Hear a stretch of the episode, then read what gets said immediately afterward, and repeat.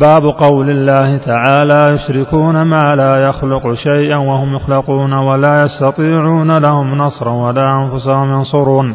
وقوله والذين تدعون من دونه ما يملكون من قطمير إن تدعوهم لا يسمعوا دعاءكم ولو سمعوا ما استجابوا لكم. ويوم القيامة يكفرون بشرككم ولا ينبئك مثل خبير. وفي الصحيح عن أنس رضي الله عنه قال شج النبي صلى الله عليه وسلم يوم أحد وكسرت رباعيته. فقال كيف يفلح قوم شجوا نبيهم فنزلت ليس لك من الأمر شيء. وفي عن ابن عمر رضي الله عنهما أنه سمع رسول الله صلى الله عليه وسلم يقول إذا رفع راسه من الركوع في الركعة الأخيرة من الفجر اللهم لعن فلانا وفلانا بعدما يقول سمع الله لمن حمد ربنا ولك الحمد فأنزل الله ليس لك من الأمر شيء. وفي رواية يدعو على صفوان بن أمية وسهيل بن عمرو والحارث بن هشام فنزلت ليس لك من الأمر شيء. وفي عن أبي هريرة رضي الله عنه قال قام فينا رسول الله صلى الله عليه وسلم حين أنزل عليه وانذر عشيرتك الأقربين قال يا معشر قريش أو كلمة نحوها. اشتروا أنفسكم لا أغني عنكم من الله شيئا. يا عباس بن عبد المطلب لا أغني عنك من الله شيئا. يا صفية عمة رسول الله صلى الله عليه وسلم لا أغني عنك من الله شيئا.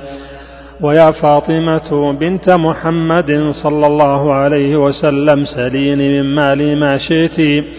لا أغني عنك من الله شيئا. فيه مسائل الأولى تفسير الآيتين الثانية قصة أحد الثالثة قنوت سيد المرسلين وخلفه سادات الأولياء يؤمنون في الصلاة. الرابعة أن المدعو عليهم كفار الخامسة أنهم فعلوا أشياء ما فعلها غالب الكفار منها شجهم نبيهم وحرصهم على قتله ومن التمثيل بالقتلى مع أنهم بنو عمهم. السادس أنزل الله عليه في ذلك ليس لك من الأمر شيء. السابع قوله يتوب عليهم ويعذبهم فتاب عليهم فآمنوا. الثامن القنوط في النوازل.